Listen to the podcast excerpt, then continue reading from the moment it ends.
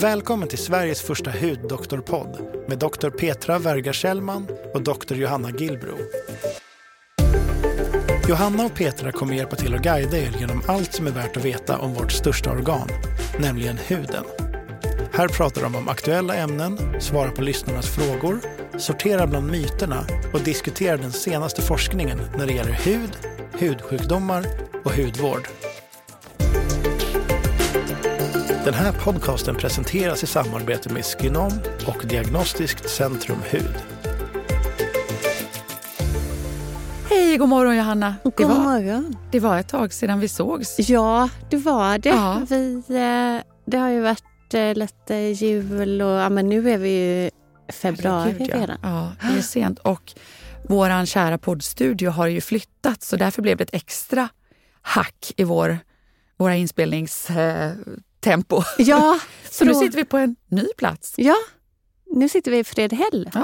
Fast det här var väl riktigt trevligt faktiskt. Ja, jag jag gillar ju det. Gärdet. Det var ju nära till mig. Nära Ja, hem. väldigt bra för dig. Men, eh, men det här var ju faktiskt riktigt, det här var faktiskt riktigt trevligt också. Ja, och vi såg ju nu ett jättefint café precis som ligger här. Just som det. Vi Ska pröva. Ska pröva. Ja, Toppen. verkligen. Ja, Men du hade varit i Göteborg va? Jag har varit i Göteborg. Jag har varit i Göteborg både mm, nu och då höll jag på att säga, men senast faktiskt varit nere på lite möten och sen var det faktiskt filmfestival samtidigt. Ja. Så då passade vi på att se några filmer också. Det fanns, ja, var många väldigt... Eh, Var det någon du kan tipsa? åh, jag såg faktiskt flera stycken. Åh, nej, det, det är så, åh, varför är det alltid så svårt när man väl får frågan? Ehm, ja, men nu, nu står det typ helt stilla, nu kommer jag inte på någonting. Ja, men det, det fanns faktiskt väldigt många bra filmer, måste jag säga. Eh, och sen är det ju alltid så, vissa är så här håsade och då har man lite höga förväntningar och vissa ja, har man inte sett. Men eh, jag såg någon isländsk film. Eh, En svensk film? Is, förlåt, Ah, isländsk, isländsk. film. Eh, nej, men jag, nu, blir jag, nu blir jag lite så här, nej jag kommer inte på någon riktigt bra, eller så här, som jag måste, så här, värsta filmtipset. Men, eh, men det finns många bra filmer som kommer i Ja, vår kul. på något sätt, tycker jag. Ja. Skoj. Och vad har du gjort? Jag har, jo, jag har precis varit i eh, Leksand och åkt skidor. Åh, Ja, det var, var- väldigt härligt faktiskt. Det är utför precis nu i helgen. längd? Längd. Åh, Ja, härligt. så att jag känner mig väldigt mör. Jag fick inte på mig mina jeans i morse och jag bara hoppas att det är för att jag har byggt så mycket muskler. Åh, precis! Jag tänkte säga så här, oj, är det bra eller dåligt? Jag bara intalade mig själv. Men vi åt i och väldigt, väldigt mycket mat också. Gud vad trevligt. att, eh, Men ja. hade du då ditt härliga fönster? Åt ditt ätfönster. ätfönster på åtta timmar? Ja, Berätta. då får vi ta den då. Jag blev ju inspirerad av eh, Food Pharmacy. Så att, eh, vi, eh, vi jobbar ju lite tillsammans med Lina och Mia. Mm. Och eh, de har ju ett program eh, som eh, jag hoppade på. Och jag har inte följt det, måste jag säga, punkt och pricka. Men det är att man, har, man äter bara åtta timmar och sen fastar man resten. Mhm. Och jag trodde första dagen så var det faktiskt jättejobbigt för jag brukar ju äta frukost klockan sju på morgonen. Och nu var man tvungen att vänta. Men eh, det, ja, jag måste säga att Men nu sa du, för du, Ah, jag fick ju höra om ja. detta lite innan, Ja. och då sa du att du äter frukost, väntar med att äta frukost till klockan 10 ja, och så äter du till klockan 18. ja, Och då så sa jag att jag brukar det får man kanske inte säga, men jag brukar vara lite slarvig. Jag äter faktiskt inte frukost alltid, så jag äter lunch oftast först. Det är bara ren vana för att jag på något sätt, jag vet inte, alltid har Ja. gjort det. Eh, men jag äter ju då frukost, eller det vill säga lunch, första målet klockan 12. Betyder det att jag har mitt ätfönster ända till 8 då? ja För men, det är det som är mitt problem. Jag vill gärna äta på kvällarna. Ja, jag tror, alltså det här måste vi höra med Ja. experterna. För jag, men jag tror det. Men du måste egentligen vänta eh, tre till fyra timmar med att äta innan du går och lägger Ja, men det dig. är inga problem. Jag lägger mig oftast inte förrän 12 Nej, men då, då tror jag Nu har helt... jag, mm, det här ska vi testa, det här ska Ja. vi testa. Da, da, da, Men det tror jag faktiskt. Men sen ska man ju också äta, det, det de, nu var det här programmet egentligen veganskt. Att man äter, det har inte jag riktigt gjort. Då. Men, men annars så känner jag mig faktiskt, måste jag säga, väldigt pigg. Härligt. Ja. Men kan det ha varit skidresan eller tror du det är Jag vet inte. ätfönstret? Jag vet inte. Sen var ja, men, eh, men det var faktiskt väldigt härligt att åka skidor. Och det var, ja, gud, jag bara känner att jag vill flytta ut på, på landet. Åh, vad härligt. Ja, jag vill verkligen. Visst och det är så man himla fint där i Siljanstrakten. Och herregud. Ja. Alltså de här stugorna och det var bara... Ja, men vi hittade massa fäbodar som var liksom, ja, mitt i skidspåret. Där, massa ja, det var så Ja, men fint. gud vad mysigt. Åh, nu längtar jag faktiskt också efter Ja. skidåkning. Det var jättelänge sedan jag åkte skidor. Liksom, för att, jag vet inte, barnen har blivit större och innan när, man, ja, men när de var små så åkte vi mycket skidor både på längden och, eller framförallt utför egentligen. Men det har jag inte gjort på flera år nu. Åh, Nej. nu blir jag inspirerad. Ja, men Kanske åk. hinner man med någon helg innan, innan Ja. skidsäsongen är slut. Men det, ja, det tycker jag verkligen. Och vi, vi bodde så här på en gammal... För det fanns nästan ingenting. Vi bokade jättesent. Mm. Och då fanns det en herrgård som heter Korstäppans gård. Mm, bara det lät ju trevligt Ja. Men det var, det var lite... För det, man fick liksom ha kod in där. Det fanns ingen reception Nej. och det var knappt något folk. Så det var lite spöklikt. Oh. Men, eh, Lite off-season nu? ja, det var, det, höst- men det är det jag inte trodde att det var. Sportloven? Nej, Ja, och jag menar i Göteborg är det sportlov Just nu det, det vecka det. sju. Så att, ja, jättekonstigt. Men, men det var... Ja, men man kände verkligen så här historiens vindslag. Vad man Åh, säger. vad härligt. Ja, det var väldigt mysigt. Ja, men här kan vi sitta och drömma oss bort. Men Ja. eh, nu måste vi komma lite till, till det hardcore här. Och, ja, eh, då kör vi. Eftersom vi har ju också bestämt oss nu för den, de här eh, gångerna att vi kör en del frågor. Faktiskt. Eh, för vi får ju, som vi alltid brukar säga, bli väldigt glada för att Mm. vi tydligen gör någon form av nytta. Vi Ja. får många frågor till podden och eh, vi försöker att, eh, ja, även om inte alla får svar liksom direkt explicit på sin egen fråga så, så kan vi ibland baka in liksom olika eh, frågor i, i andra svar. Här har jag hittat en fråga som jag tänkte kanske att du mera, Johanna, får svara på. Den inleds som vi tycker alltid blir så glada för. Bästa podden. Härligt, tack för det. Eh, ja, det är en lite lång fråga, men jag tänker jag läser den här ändå. Jag måste säga att jag uppskattar verkligen er podcast. Den är så himla bra och informativ. Vi tackar och bockar. Eh, Min motivation drivs verkligen av att få rätt information och när jag förstår så kan jag liksom tänka själv och det tycker jag verkligen att ni bidrar med i er podcast. Jag har bantat ner min hudvårdsrutin jättemycket och fått väldigt bra resultat av det. Min hud är mindre röd, speciellt om kinderna. Jag vaknar varje morgon och huden har en jämn hudton och jag får mindre finnar. Helt galet när jag spenderar mindre pengar än någonsin på min hud. Och jag har aldrig ens haft en känslig hud. Jag har en fråga dock till er som jag tänkte kolla om ni kanske kan ta upp i podden. Jag har fått upp ögonen för just naturlig hudvård via er podd. Alltså, vad är naturligt på huden? Jag har sett ett hudvårdsmärke som producerar sina produkter på talg från nötdjur. Jag har talg hemma som jag brukar laga mat med ibland. Jag testar att smörja in mig med det. Det luktar ju inget så jag tänkte, varför inte? Det blev väldigt bra och jag kände mig väldigt mjuk i huden. I mitt huvud verkar den idén inte så tokig. Talg liknar vår huds fett och innehåller vitamin A, E, D och K och andra saker som ska vara bra, i alla fall enligt hudvårdsmärket No Bond Beauty. Är jag lurad? Tack igen för en fin podd. Och denna fråga lämnar jag med till dig, framförallt Johanna. Ja. Är hon lurad? Nej men så här, jag tycker ju att det här, just att, att det som hon har gjort här, att hon smörjer in sig med talg som, som är ren talg som man brukar laga mat med. Det, jag tycker egentligen inte att det är en eh, jättedum idé.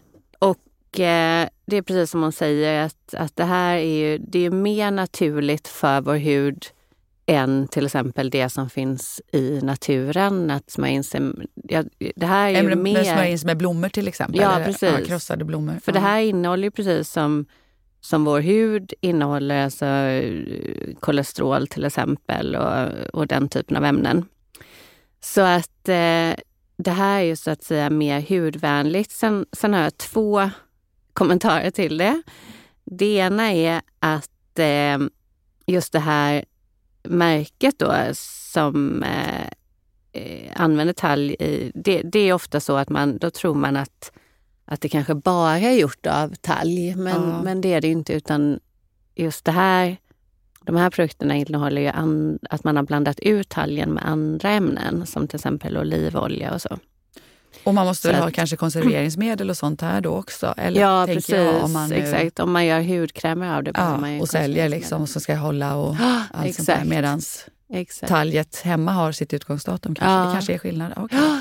Intressant. Eh, Så att jag, jag tror absolut att man kan smörja in sig med lite talg. Men det som huden behöver det är ofta fuktbindande ämnen och de är vattenlösliga. Och då behöver man en kräm. Så att då hjälper inte bara talget. Talget fungerar liksom som mjukgörande och det fungerar som ett okklusivt lager. Och Ja, man, just det. man minskar vattenavdunst, Det vattenavdunstning. är de här två olika mekanismerna som Ja. vi brukar prata om. Att det ena minskar vattenavdunstning och det andra håll, liksom attraherar eller binder fukt i huden. Liksom. Ja, precis. Och den bästa krämen ska ju då göra bägge sakerna. Exakt. Exakt så. Och då har vi talgen, det kan man nästan jämföra med kanske då med, eh, med paraffin och vaselin. Alltså på det sättet Ja. i form av att det handlar om okklusion, alltså att, att minska vattenavdunstningen. Men, Exakt. Men sen finns det nog, eh, sen är det nog liksom positivt med talgen i och med att det finns lite som huden faktiskt kan reagera på där. I och med att det är så hudeget ändå. Eh, men däremot precis så behöver du fuktbindande ämnen, till exempel då karbamid, alltså urea, Mm. för att binda fukten i huden. Skulle Så man att- kunna applicera det ovanpå? Eller det kommer ju inte ner samtidigt. För jag tänker att det där talgen borde ligga som ett lock då. Så, Ja. att det inte, så man måste ändå... Så hur gör man då? då? Kan man ha det ena på morgonen det andra på kvällen? Ja, eller om man har en fuktkräm eh, Underst med, Ja, det skulle man kunna Ja, ha och sen applicera lite talg. Men det här är också individuellt så att jag vet inte var man köper den renaste talgen så att Nej. säga. Det, det har inte jag kunskap om. Men, Från men eh, om, hon, om hennes hud mår bra av det så ser inte jag några problem med Nej. det. Men däremot att kombinera då med en bra fuktkräm Mm. med fuktbindande ämnen. Ja, intressant. Så. Mm. Ja, nej, men det, det är alltid det är lite kul med det här att, att man kan inspirera till att, att tänka själv. Ja. För det är ju det som Ja. eh, ofta är ja, väldigt spännande och bra. Okej, så talg, talg verkar bra men eh, det, men det viktiga är att det kanske paketeras ändå på rätt sätt. Då. Ja, precis. Och så att man, man, där får man ju syna bolagen lite. Mm. att, att eh, Inte stoppa i massa annat liksom, och bara marknadsför själva talgen. Exakt. Ja. Men då, har jag, då ser jag en annan fråga till dig här. För då har vi ju fått en fråga här om isotrionin. Eh, vi hade ju ett eh, avsnitt om det för inte så länge sedan, så det här är en fråga relaterad till det avsnittet. Så då skriver hon så här. Hej, förstår om detta mejl inte är något ni hinner svara på, men jag är väldigt desperat och jag känner att jag inte har något att förlora på att skriva till er. Och så är det ju verkligen. Skriv till oss så eh, Absolut, så Han- försöker vi svara i alla fall. Ja, exakt. Och den här eh, kvinnan då har haft problem med akne som leder till ärr sedan hon var 10 år gammal och hon, hon är nu 23. Och hon har gått på diverse olika kurer av antibiotika och hon har provat alla typer av receptbelagda krämer. Eh, och hon har också gått på isotretinoin fyra gånger. Men hon upplever att hyn bara blivit sämre efter två månader igen efter varje gång. Och hudläkaren jag går till har bara skrivit ut medicinen lite hipp som happ och inte riktigt tagit mina problem som allvar. På allvar. Suck, säger jag då bara. Ja. Mm. Och sen skriver hon också att... Eh, och det här, är, det här är ju faktiskt något väldigt, väldigt allvarligt. Mm, mm, och det är att hon upplever att eh, sina problem med akne har bidragit till att hon har fått en depression och en känsla av hopplöshet. Och det, det är ju tyvärr många med akne som just eh, upplever att, eh, att det är otroligt smärtsamt psykiskt sett. Ja, verkligen, verkligen. Eh, så att eh, hon, hon skriver också, det här är också någonting som man hör väldigt ofta tycker jag, att eh, efter perioder där jag inte ens vill vet, visa mig utan smink för min familj och vägrar gå utanför dörr, dörren på flera veckor Mm, mm. Så nu känner jag att jag tar tillfället i akt och rådfrågar er. Mm, mm. Att aldrig kunna kolla sig i spegeln och faktiskt känna sig fin tar så otroligt mycket på mitt psyke. Och, Åh, ja, jag blir så att, Ja. Ja, ja, det är ledsamt att höra det här. Jag kan inte säga annat för att eh, jag tycker eh, fortfarande att det, ja, det, fi- det finns ju eh, hjälp att få och eh, jag tycker inte riktigt att man ska ha behövt ha det så här. Ehm, Visst kan det vara krångligt ibland att få bukt med aknen även om man har isotretinoin. Men att man, hon är ändå bara 23 år, att hon då redan ändå har hunnit få fyra kurer som man uppenbarligen då har avslutat lite hipp som att man kanske har skrivit ut ett recept, inte haft någon uppföljning, medicinen tar slut och så vidare. Det är ju jättesorgligt faktiskt. Och ja, som vi pratade om i det här avsnittet som med isotretinoin så är det ju viktigt att man fullföljer kuren och att man, eh, och att man tar man säger, tillräckligt mycket medicin. Jag ska inte upprepa allt jag sa förra gången men det är ju så att man ska ju upp i en vi- viss totaldos som är baserat på egentligen hur mycket man väger. Då. Så att man ska, man ska upp i en viss eh, mängd man ska ha ätit en viss mängd isotretinoin liksom per så att säga, kilo kroppsvikt. Då. Så att, eh, och det, det räknar vi ut för varje enskild individ. Sen är det inte alltid så viktigt hur snabbt man når dit. Man kan ibland äta lite, lite lägre dos och äta en längre tid eller äta en eh, högre dos och kanske en kortare tid. Men eh, det är viktigt att man når den här slutdosen så att säga för att minska risken för återfall. Och det är någonting som är vetenskapligt. Det har man gjort många studier på att man, man ser att ja, minsk, riska, minska, minska risken för återfall om man når upp till, till den här nivån. Då. Eh, sen är det så att vissa får återfall i alla fall. Och då kan man pröva en ny kur. Och är det så att man har väldigt svårt, då skulle jag aldrig som sagt var släppa en sån patient utan då kanske man får fortsätta med en lågdos isotretinoin och så vidare. Sen måste man tänka att hon är 23 år, hon, är, hon kanske ska ha barn. Och så, men all, liksom allt sånt där måste man ju givetvis ta hänsyn till. Men det finns ju mer man kan göra. Man kan ju följa upp patienter med med, med mycket akne, särskilt också om man lider av det. Och, och bördan av att ha mycket akne är individuell. En del har dålig hy och bryr sig inte så mycket och en del har dålig hy och bryr sig mer. Och det måste vi, fast vi måste få reda på det. Måste, man måste som patient kanske signalera att man mår dåligt. Och det, och, men då måste man bli lyssnad på, för annars vågar man inte signalera heller. Så att, äh, lite, lite sorgligt. Jag kan bara på något sätt känna att, eh, nu vet inte jag var den här tjejen bor någonstans, men att ändå ge inte upp på något sätt. Få tag på en, en, en, en omtänksam hudläkare som fasiken gör ett nytt försök och, och, eh, och bryr sig och följer upp och, och ser till att få det bra. Liksom. Det, exakt. det, det är det enda rådet Mm.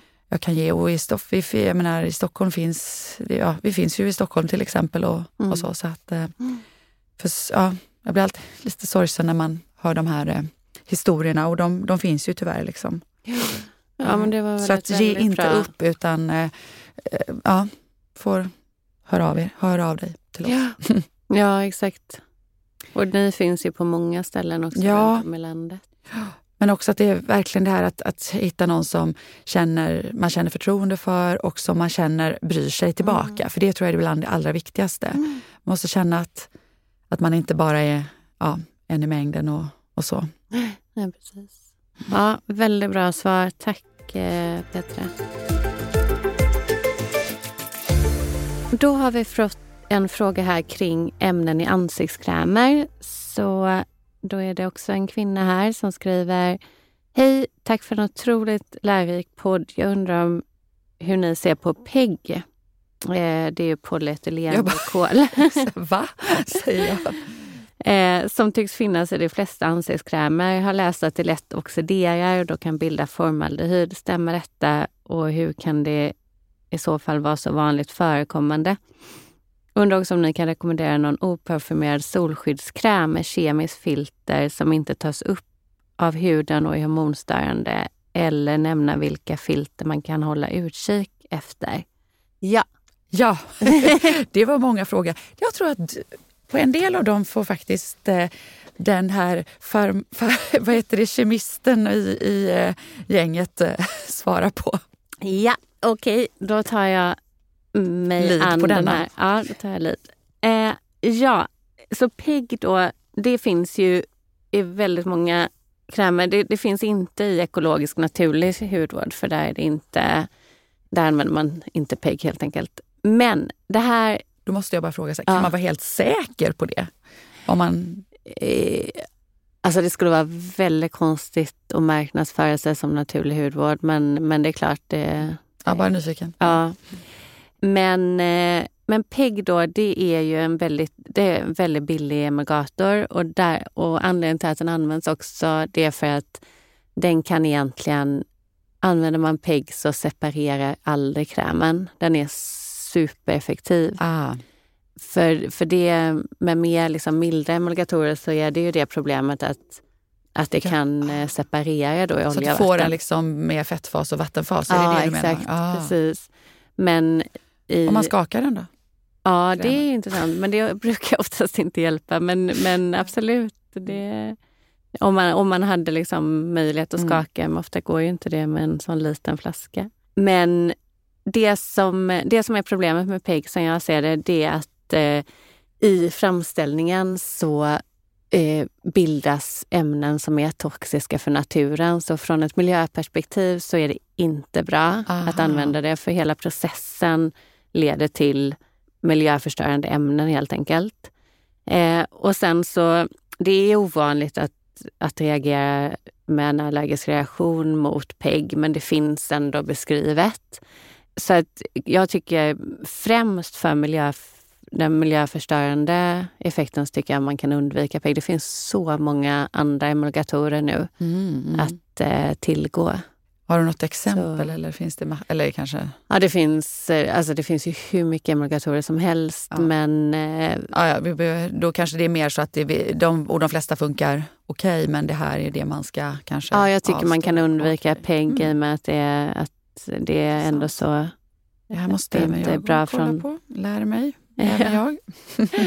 Och sen så var det en annan fråga här i samma mejl. Undrar också om ni kan rekommendera någon oparfumerad solskyddskräm med kemiskt filter som inte tas upp av huden. Ja, men precis, jag hade läst det. Kul. Ja, och nu, jag är faktiskt väldigt, väldigt stolt över vår solskyddskräm som kommer vecka, ja, vecka 11 nu. Och det, den är just så. Så att vi har hållit på jättelänge. Solskydd är ju så svårt att eh, utveckla. Men vi har använt dels mineralfilter som är väldigt hudvänliga. Så det är ju zinkoxid och Mm. titaniumdioxid som vi har pratat om i podden innan. Och sen är det viktigt, precis som hon skriver, att använda nya kemiska slash organiska Mm. filter som inte kan penetrera huden eh, och komma in. Och det är det som är problemet, att många av de här äldre varianterna av kemiska filter har ju så kallade hormonstörande effekt. Mm. Men de nya varianterna som är större molekyler som inte penetrerar huden, eh, de, där har man inte sett den här effekten alls. Så det här är ju Vet du, har vi något eh, som man som konsument vet vad man ska leta efter? Heter de här nya filtrerna något särskilt som Ja, man kan hålla koll på? Alltså det är så långa namn. Ah, men jag kan, kan vi lägga ut dem på? vi kan lägga ut det på, vi lägger ut det Mm. på både Instagram och på texten i Acast Ah, eh, okej. slash Spotify. Det kan vi ja, göra. ja, Eh, så, för de är otroligt långa. ja, det är ju Men, så ibland. eh, Så man får nästan fota av dem och sen Ja. så får man bara ha dem i. Och den här är ju- krämen som, som vi har utvecklat, den är ju helt parfymfri och, och sådär. Mm. Och eh, jag har ju använt den ja, men, Mm. eh, både i somras och nu i julas var vi ute och åkte skidor. Och, Mm. nej, men den, är, den är helt, jag är väldigt, väldigt stolt över den. Mm. Så att det, det är Kul. tips. Ja. Finns, måste vi, eftersom vi ska vara så lite käckt neutrala, Ja. så är alltid frågan, finns de här nya filtrerna även i andra, liksom, eh, andra, solskydds, andra solskyddsprodukter? Ja, eh, de, så de gör det i alla fall, de finns de, där. Det finns. Det finns. Sen eh, så finns det ingen det finns ingen produkt på marknaden som har den kombinationen av mineralfilter och de nyaste filtrerna. Det har vi inte sett. Nej. Men eh, det finns eh, absolut, eh, som till exempel, det är den jag rekommenderat innan eh, Antelios filter la upp på sig. Mm, mm. De, de har ju en viss typ av nya, Ja, men de blandar tyvärr inte det med mineralfilter. Nej. För dem har vi pratat, jag tänkte, för vi har ju pratat om dem Ja. tidigare också lite grann. Då kommer ju bara min stora fråga här nu. Eftersom jag vet ju att dina eh, väldigt bra produkter måste vara i kylen. Hur är det med solkrämen? Ska den också vara i kylen? Nej, Kan man ha med sig den till stranden? ja. Ja, det, Ja, det var Det var det, var faktiskt. Och det är därför vi har hållit på så himla Ja. länge med Ja. det här. Eh, för vi har, vi har hållit på... Nu innehåller inte solskyddet några andra ämnen som är känsliga för värme eller rumstemperatur. Eh, så att eh, vi, nu har vi testat och det, det kan absolut... Det är, är ja, samma hållbarhetstid som våra andra produkter Mm. men man kan hålla det i, i rumstemperatur eller ta med till stranden. Ja, ja, det var ju skönt. Annars blir det jättejobbigt. Jag ska ta med mig till dig nästa gång. Ja, det vill jag Ja. gärna ha. Det vill jag gärna Mm. ha. Ja, men vad trevligt, spännande. Ja, nej, men, eh, håll reda på helt enkelt nya, nya moderna solfilter som Ja. vi lägger ut. Och eh, undvik helt enkelt då PEG om jag förstår det hela Ja, det rätt. tycker jag Ja, faktiskt. bra. Ja, då, då hade vi en fråga här som är väldigt, eh, ja men verkligen eh, intressant. Och det är en kvinna som skriver in, som har ett 17-årigt Kanske barn som har fläckar kring munnen. Vi upptäckte det i början av eh, sommaren 2021. Först var det en liten fläck på ena sidan. Eh, och det här, det här var ju två år sedan då. Och sen eh, när vårsolen tittar fram våren 2022 så upptäckte vi att den fläcken hade blivit större och att det också var lite på andra sidan munnen. Och så har hon försökt att utreda detta på egen hand och läst på internet och då har hon hittat både två diagnoser som stämmer överens och det är vitiligo men även eh, pityriasis alba. Och då frågar hon egentligen oss då, vad tror vi att det kan vara? Och eh, hon har även skickat in eh, bilder på detta. Och eh, hon undertecknar Tusen tack på förhand, en orolig förälder. Mm. Precis. Och eh, det där är ju... Puh, det är ju inte alltid superlätt att eh, skilja mellan eh, vitiligo och eh, pityriasis alba om det är lit, bara lite utslag. Liksom. Så kan man tycka jag många gånger att det är generellt. Om man har, väldigt li, om man har lite utslag, oavsett om det är på huden, så kan det vara svårt att skilja mellan Mm. eksem och psoriasis om det bara är lite grann. Är det i ansiktet man bara har några utslag så kanske en del frågar, är det akne, är det rosacea? Det kan vara lite svårt när det inte är jätteuttalat. Så tycker jag att generellt kan man säga att, ja, att det generellt är för olika hudsjukdomar. Eh, vi kanske ska ta i och för sig, vitiligo vet ju många vad det är, men vad är då pityriasis alba? Man brukar säga att det är, eller, eller så här är det, det är vita fläckar som oftast sitter i ansiktet, får man väl säga. Och de är helt ofarliga. De uppkommer ofta på grund av att huden är kanske lite torr. Eh, kan ofta vara hos patienter som också har haft eller, har eller har haft atopiskt eksem. För den typen av patienter är ju generellt lite torra i huden, även om de inte har så mycket eksem längre. Eh, så att torr hud och så kan ju leda till att Ibland ser man ju att det har varit eksemfläckar och, och att det då, när det läker sen så blir det de här ljusa fläckarna kvar. Då är det ju väldigt lätt att så att säga mm förstå sambanden. Då är, det ju ingen, då är det ju ingen diskussion så att säga. Men ibland är det faktiskt så att man har inte sett några direkta eksemfläckar och ändå kan det bli eh, lite torra, runda pityriasis alba-fläckar. Då. De kan vara både runda och de kan vara lite liksom mera diffusa också. Eh, eller, eller lite mera liksom fyrkantiga och sånt också. Så det, det är inte helt lätt. Läser man på till exempel internet så står det ibland att man kan använda sig av en speciell lampa som heter Woods ljus som är lite så här blålila skimmer för att på något sätt då skilja mellan vitiligo och pityriasis alba. Och där måste jag säga att jag tycker inte att det är så. Det är inte så himla enkelt. Det är inte så att bara ding, ja, yes, det där funkar utmärkt och så tar man fram sin lilla lampa och så är man 100 procent. Liksom. För att jag tycker ibland att det även på vitiligo kan vara lite svårt att se när liksom, mm vad ska jag säga, den här lite mera eh, vita bländande så för att mm. eh, ja. Så att jag vet att det står det många gånger men jag tycker inte alltid att det är så enkelt. Liksom. Nej.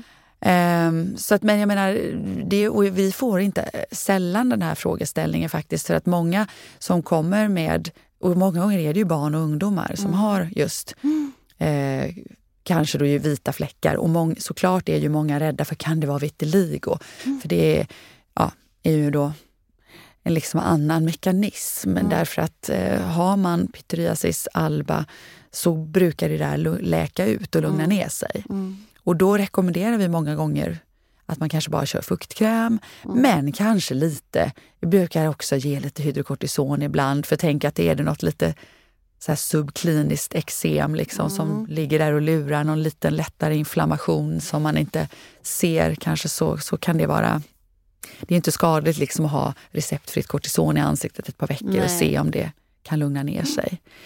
Eh, så, att, eh, så jag tycker så här, jag har ju titt, ja, i avsaknad av eh, man säger fläckar på andra ställen eh, så, är, så är, det går inte riktigt att säkerställa eh, diagnosen vitiligo. Och att ta en biopsi, tycker jag, det vill säga ett hudprov där man liksom skär ut en bit av huden, är inte särskilt... Då måste man för det första ta två biopsier, för då måste du ta mellan förmodat då frisk och sjuk hud. Och vem vill ta två liksom stansar som lämnar två små gropar liksom i ansiktet på och sen vet man ju inte riktigt vad man ska mäta. Nej, exakt. Det är därför du under alla omständigheter måste ha ett jämförelseprov liksom, ja. för att se om, om, om eh, eh, det är liksom reducerad mängd pigmentceller. Liksom. Så att, ja. eh, vad är, vad är, du måste ha ett normalprov i så fall, vad du förmodar är en normal hud. Liksom. Så, att, så det är inte en del egentligen av, av eh, diagnostiken skulle jag säga. Väldigt, alltså, ja,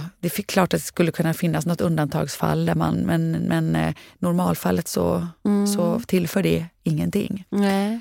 Utan ger bara fula ärr istället. Så det, det, nej, så att ibland är det eh, som jag faktiskt har rådit den här mamman också, att, eh, att liksom, eh, man kan pröva behandla som eh, eh, pityriasis alba kanske i första hand och eh, se vad som händer. Och sen, man kan ju faktiskt också nästa steg pröva då till exempel Protopic mm. som är en behandling som egentligen funkar både mot i alla fall eksem mm. och mot eh, kan ju dämpa vitiligofläckar mm. också. Mm. Så att eh, det är väl nästa steg i så fall att, att helt enkelt pröva det. Men eh, man behöver inte vara så orolig heller och driva diagnostiken så hårt. Det är klart jag förstår att man som patient kanske och förälder, man vill veta, alla vill veta, alla vill vara säkra. Liksom. Det är många som kommer, jag vill ha en säker diagnos. Och jag kan förstå det. Men ibland är det inte helt lätt. Och eh, dessutom är det så att ponera då att det skulle vara vitiligo, så är det ju egentligen ingenting. Man kan inte göra någonting ändå. Nej. Det är inte någonting så här att ah, men om vi fick veta diagnosen och börja behandla så, eh, så botar man det eller så får man en bättre prognos eller så. Utan eh, där är ju, har du en liksom liten fläck i ansiktet så, så kommer inte den behandlingen av den fläcken att vara avgörande för om du får vitiligo på andra ställen. För det är helt andra Nej, mekanismer. Precis. Det är autoimmunt så. Liksom. Så det kan ju lika gärna uppstå någon mm. annanstans ändå. Mm, då får man ju behandla hela eh, hudkostymen. Precis. Men. Däremot så ska jag säga så här att min kollega Liv eh, Eidsmo som jobbar, eller som forskar på eh, vitiligo och egentligen mer på uppkomstmekanismer kanske än behandling. Men eh, de har i alla fall eftersom hon håller på mycket forskning där, sett att det finns en ruxilitinib-kräm som tydligen har bra effekt på en del, enligt henne. Men man har, man har sett att den, ja, men man har ingen, eh, TLV, alltså, vi, den är inte godkänd i, eh, Nej, i Sverige framförallt. det är en Jack. Precis. Men ja, jag är lite skeptisk till den. Mm. Men ehm, jag, jag tycker ju de case-rapporterna som man har publicerat att man inte ser sådär jättemycket. Ja, och jag säger så här att jag har inte kollat upp det riktigt. Så jag, jag, jag har hört talas om den här krämen men eh, eh, det blir någonting. Jag ska ju faktiskt åka till eh, amerikanska årsmötet här nu. Ja, så att det brukar komma mycket eftersom det, det kommer ju en del nytt om både vitiligo och Ja. alopecia areata tycker jag. Så att jag följer faktiskt det ganska... Eh, än så länge är det ingenting. Ja, ja, alopecia areata tar vi någon annan gång. Ja. Men, eh, men nej, jag kan hålla med. Det är ingenting superrevolutionerande. Men jag ska se om det har, om det, har kommit nya studier på, Mm. på den här krämen. Och det kan ju vara sånt att, att krämen kan användas till exempel tillsammans med ljus och så vidare. Det finns ju, det finns ju olika... Liksom, Mm. Ja. ja. vi får se. Vi får se. Det, jag har ingen erfarenhet av den för den finns inte i Sverige. Men eh, Men jag tänker också, ehm, för pityriasis alba, alltså i min, min erfarenhet är att för vitiligo, då ser man ju näst, speciellt i vitiligo vulgaris, inte alls på samma sätt i, i, när man har ensidig vitiligo, men vitiligo vulgaris, då är det ju det här att, att eh, de blir kritvita. Det finns liksom inget pigment. Medans när du har pityriasis alba så är det hypo, hypopigmenterade Abs- läckor. det, absolut. Eh, det är sant. Nu den här bilden på den här unga patienten som skickades in, han är ju väldigt ljus i huden generellt. så Ja, att där okej. ser man inte så... Alltså man, man ser ju fläcken, absolut. Mm. Och, eh, men man kan inte... Det, det, och jag håller med dig. Och det är många gånger är det så att det kan vara lite tydlig, suddigare eh, liksom, kant och så. Och, men sen kan man ju ha... Även vitiligofläckar kan ju vara så att säga, i partiell återpigmenteringsfas också. Mm. Där du kan se att det ändå inte är så. Liksom, så att när det är så pass ändå små, Ja. små förändringar är det inte alltid helt lätt. Och sitter det på, exakt på samma sida av ansiktet på andra sidan? Ja, det sitter runt mungipor här. Liksom. För det är också ett tecken på vitiligo, tänker jag. Absolut. Men det finns en del psoriasis som, Ja. som sitter där också. Så, att, eh, så att jag tycker att eh, man får, man får pröva olika sätt och så får man eh, eh, se. Men det som jag också säger och som jag faktiskt har skrivit till mamman, det är ju så här att det, det, jag menar, små fläckar av vitiligo är, går ju absolut att behandla. Mm. Jag tycker jag har haft jättefin effekt många gånger att hålla det i schack med Protopic Mm. på, på enstaka liksom, mindre Ja. fläckar. Och det behöver inte, bara för att man har eh, fått liksom, vitiligo behöver det inte innebära att, att det blir stora fläckar och stora områden på hela kroppen och alla sådana saker. Det är ju inte så att alla går den vägen Nej. heller. Utan har, det finns många patienter som har en enstaka fläck och den kan komma och gå. Ibland kommer den i, alltså, att den lever lite sitt eget liv. och ibland Så att jag tycker också att ja, det finns, det finns, jag tycker det finns ändå gott hopp om att eh, vi ska kunna komma till rätta med det. Mm. Och sen kan man ju också hålla utkik, för det är ju så att ser man det där att det är, det är svårare på vinterhalvåret, men man, man kan ju ändå se i olika former att man tappar pigment. Och då kan det vara väldigt, väldigt bra att vara där snabbt med till exempel Protropic eller någon för att, för att dämpa den avlossningen. Mm, det kan jag tänka mig faktiskt. Ut, ja, för är så- rent, rent liksom, jag tänker veta, alltså att det, jag menar, om man bara tänker på hur det funkar med Ja. angrepp så kan jag tänka mig det. För där, i vissa patienter ser man ju det här liksom små, små, små vita prickar Mm. precis när det lossnar. De ser ju dock oftast inte vi, vi ser ju dem sällan Ja. i den fasen utan vi ser ju dem Exakt. först. Men när de... eh, För, för när jag forskade på vitiligo, eh, då så... Professor Karin Schallreuter, hon behandlade ju i vissa fall när man verkligen ser det här att man... Ibland är det ju så att, att det var liksom vitprickigt på väldigt stora delar och sen ser man det ganska snabbt att, man, att det lossar liksom och så blir det stora, stora, stora vita fält. Mm. Och då gick ju hon in med oral dos av Mm. mm. prednisolon mm, eh, under några veckor. mm. Och då fick, fick ju de flesta tillbaka Mm, pigmentet. mm. Så det gäller ju där att Mm. vara, vara där snabbt. Mm. Det är nog lite kontroversiellt tror jag att göra idag. Ja. Alltså, för att det ja, jag får höra med Liv, Liv Meidsmo, hon är också professor i Köpenhamn. Då, Mm. men, eh, eh, och ja, kollega från Karolinska. Men, eh, ehm, men hon, men som sagt, hon forskar mer på själva uppkomstmekanismerna och så. så att, Mm. Ja, det, men ehm, jag tror att vi behöver kanske börja avrunda för Ja. idag. Ja, Nu ska vi vidare till olika... till olika Happenings. verksamheter. Ja, precis. Men ha en jättefin dag Petra. Ja. Så, eh, Du också Johanna. Och fortsätt skriva in frågor. För ja, som ni ser, många skriver så försynt och det är ju väldigt så här, hoppas ni kan tänka er att ta det här och vi gör jättegärna det i den mån, ja, ja, den mån vi hinner och har möjlighet. mm, Ja. verkligen. Så att vi Det, skriver, eller vi, vi svarar jättegärna. ja, så skriv Så att, eh, in. skriv. Och jag skriver, säger igen, e-mailadressen är hurdoktorerna gmail.com. Yes. Ha en fin dag. Vi ses. Det gör vi. Ha det bra. Hej. hej. hej.